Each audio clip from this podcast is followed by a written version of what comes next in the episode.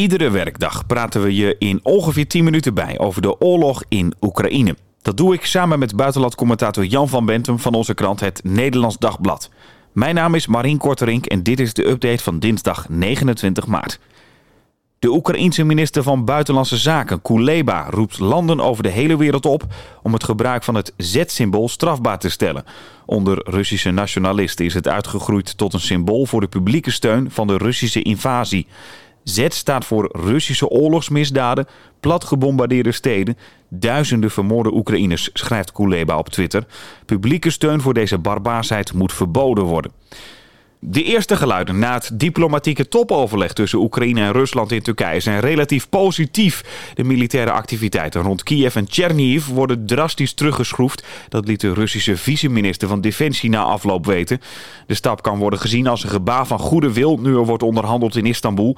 Maar kan ook een erkenning zijn van het vastgelopen Russische offensief rond Kiev. Ja, Jan, ik moet het toch even aan je vragen. Positieve geluiden. Ben je er verbaasd over?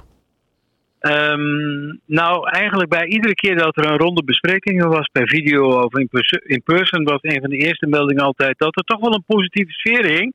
En dat er nu toch altijd meer realistisch gesproken werd. Dus dit is wat dat betreft een herhaling van zetten. Uh, tweede gedachte over dat, uh, die terugtrekking is ook uh, het kan een hergroepering zijn, daar wordt in sommige militaire bronnen over geschreven. Er wordt ook geschreven van ja, die aanvoerlijnen voor Rusland zijn erg lang en op meerdere fronten tegelijk. Dus ze kunnen zich consolideren op bepaalde plekken en dan geef je wellicht wat uh, slechte uh, plekken waar, waar de voortgang van de Russen heel slecht verloopt, dat je daar weggaat en je concentreert op een andere plaats die beter te bevoorraden valt. Dus de praktijk zal moeten uitwijzen of wat daar gezegd is, ehm, echt reëel een, een handreiking is. Wat, wat, wat denk jij? Um, dat er langzaam maar zeker wel gedachten komen, ook in Rusland, over zouden wij het hele offensief tegen Kiev uh, niet moeten beperken en ons echt veel meer richten op het bij Rusland voegen, of althans het uh, vestigen van een Russische zeggenschap over Donetsk en Lugansk en ook over de kust langs de zee van Azov en een deel van de Zwarte Zeekust. Dan heb je bijvoorbeeld de hele landbrug van Rusland naar de Krim heb je in handen.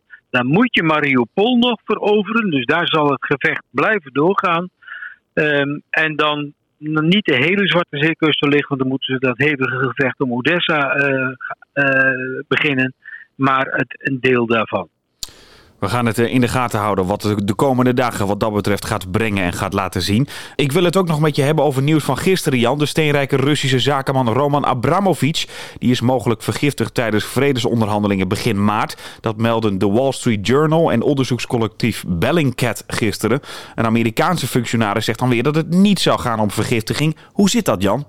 Nou, volgens het Kremlin zojuist is het een onderdeel van de informatieoorlog van het Westen tegen Rusland. Met het doel Rusland helemaal zwart te maken. En dan het uiteindelijke doel van zou zijn een regime change in Moskou. En dan komen ze natuurlijk weer terug op die woorden van Biden: van uh, mijn hemel, deze man kan toch niet aan de macht blijven.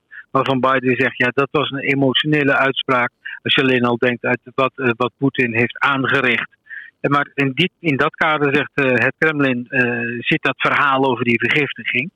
Uh, nou zit Abramovic wat dat betreft best wel klem. Eén, het is natuurlijk een verhaal dat al enige tijd oud is. het zou zijn gebeurd op 3 maart. Nou, dat is bijna vier weken geleden. De, hij zou in aanraking, samen met twee Oekraïners waarmee hij heeft gesproken, zou hij in aanraking zijn gekomen met een stof waardoor er heel veel pijn eh, achter hun ogen ontstond. Hun ogen enorm gingen tranen. Ja en hun huid van gezicht en handen ging uh, vervellen. Uh, maar ja, als hij dan terug wilde vliegen naar huis, had hij een probleem. Want de Verenigde Staten hebben Roman Abramovic zijn, zijn vliegtuig juist aan de ketting gelegd. omdat hij banden met Poetin heeft. Dus uh, je, waarschijnlijk, dus door mensen die tegen de vredesbesprekingen waren van, aan Russische zijde. heeft hij een, een duidelijke fysieke waarschuwing gekregen van doe dit niet weer, want dan word je wellicht echt vergiftigd. En uh, de Verenigde Staten straffen hem juist omdat hij uh, ook wel met Poetin en het Moskou, het Kremlin, zeg maar, in gesprek blijft. Ja, daar, ga ik het, daar wil ik het graag over. middenweg is niet. Ja, daar wil ik het zo over hebben. Nog eventjes over die vergiftiging. Ik denk dan, hoe kan, hoe kan het dat die Russen dan blijkbaar overal zitten om dat te doen? Nou ja, er zijn al langere verhalen dat er toch eenheden van de Russische militaire inlichtingendienst in Oekraïne zou zijn. Om ook achter het front wat chaos te veroorzaken. Oekraïne zegt daar ook wel Russische agenten, hè, spionnen, gevangen te hebben genomen. Dat is niet helemaal duidelijk allemaal. Maar het, het is niet uit te sluiten dat er inderdaad GRU-eenheden, de, de militaire inlichtingendienst, daar aanwezig is en uh, vergelijkbare dingen kan uithalen als bijvoorbeeld in Engeland is gebeurd met Skripal, uh, die, uh, die in Salisbury toen is vergiftigd. Ik zei het net al, opmerkelijk ook wel dat Abramovic dit overkomt. Want die ging tot voor kort dus goed met Poetin. toen wilde hij onderhandelen en nu zeg jij inderdaad, er is geen middenweg voor hem is, er, is de middenweg heel lastig, omdat hij dus daar aan de ene kant, naar zijn eigen zeggen, ook van volgens onderzoekers en ook getuigen die dit bevestigen, te maken heeft gekregen met die vergiftiging. En aan de andere kant met Amerika en ook Verenigd Koninkrijk die zeggen van ja, jij bent zo'n Russische oligarch, zo'n miljardair, jij hoort ook bij dat klikje van het Kremlin, wij leggen ook jouw uh, middelen aan de ketting. Ja. Kan je als Rus eigenlijk überhaupt neutraal zijn in deze oorlog? Want ik heb het idee dat Poetin niet echt zit te wachten op criticasters. Nee, absoluut niet. En het wordt steeds lastiger. Uh, kritische geluiden, denk aan bijvoorbeeld de Russische krant Novaya Gazeta. Die heeft gisteren zijn werkzaamheden stopgezet omdat ze opnieuw waren bedreigd door Roskomnadzor. Roskomnadzor is zeg maar een soort uh, toezichtsorgaan van de Russische autoriteit op de media. De, de, de Novaya Gazeta, de nieuwe krant, zou hebben bericht over een andere organisatie zonder te melden dat dat een foreign agent, een buitenlandse agent was.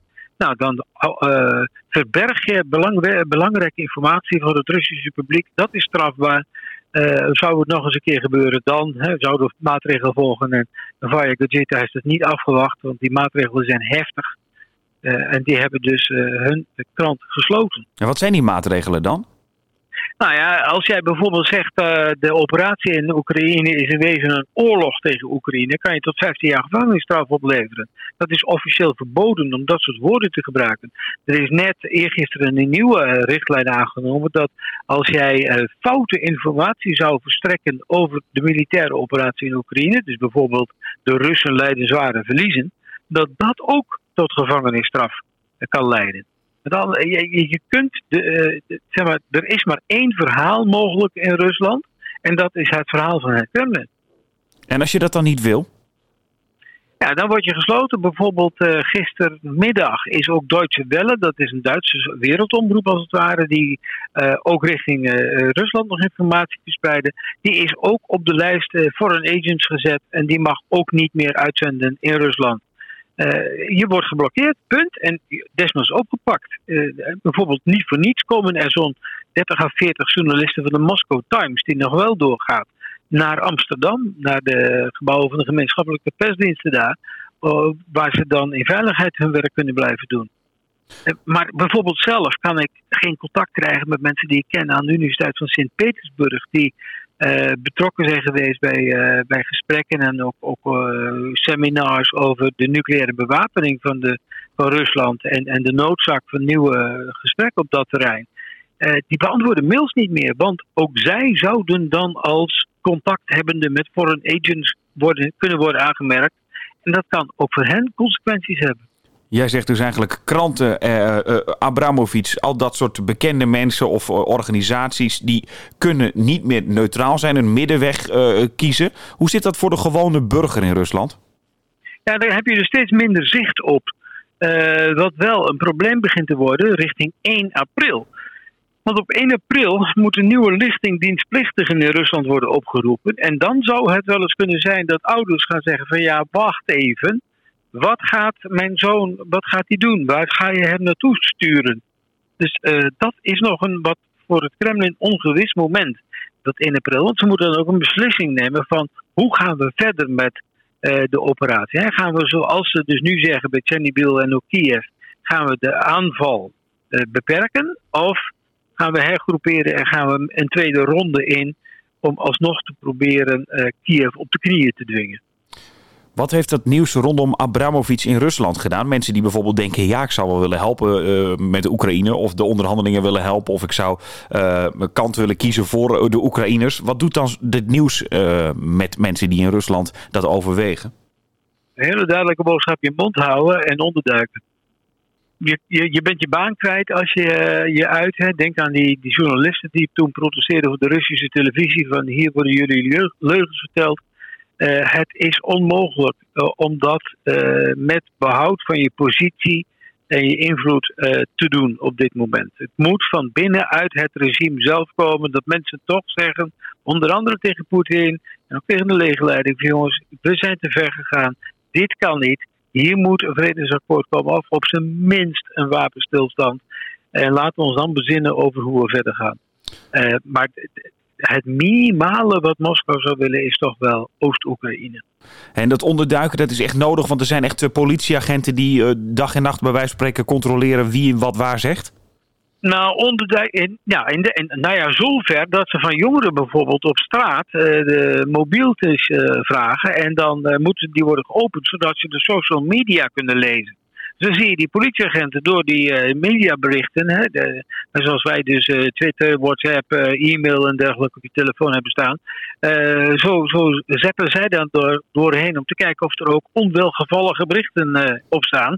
En jij dus een verdachte bent. Ja, en wat dat betreft eh, bedoel ik met onderduiken in die zin dat je je mening voor je moet houden. Die moet je onderdrukken. Die moet je, het is niet, er zijn ook wel mensen die letterlijk maken dat ze wegkomen. Het land uit. Bijvoorbeeld van die alternatieve televisiezender DOST, ook wel Rain genoemd. die is naar het buitenland gevlucht. Ehm, datzelfde geldt voor een directeur binnen Yandex, de zoekmachine in, in Rusland. Die is ook weggegaan naar het buitenland. Uh, dat hebben duizenden Russen al gedaan. Er wordt wel gesproken in de Moscow Times bijvoorbeeld over de leegloop van Rusland. Ja, dat krijg je dan natuurlijk een beetje. Of, of je wordt opgepakt als je niet vlucht. Duizenden. De, de, de teller is een beetje gestaakt uh, op het moment dat er nog wat meer openlijke informatie kon worden verstrekt en dat, dat het beëindigt. Maar toen stond het al op 15, 18.000 mensen. Die waren opgepakt wegens demonstraties tegen de operatie in uh, Oekraïne, zoals het dan mooi, zo, zo, mooi wordt genoemd. Dus nu een nieuwe vorm, zag ik uh, vanmorgen vroeg op Moscow Times, is dat ze kleine poppetjes en, en tuinkaboutertjes met een Oekraïense vlag omhullen, dan wel met Oekraïense kleuren beschilderen en die worden dan op straat neergezet.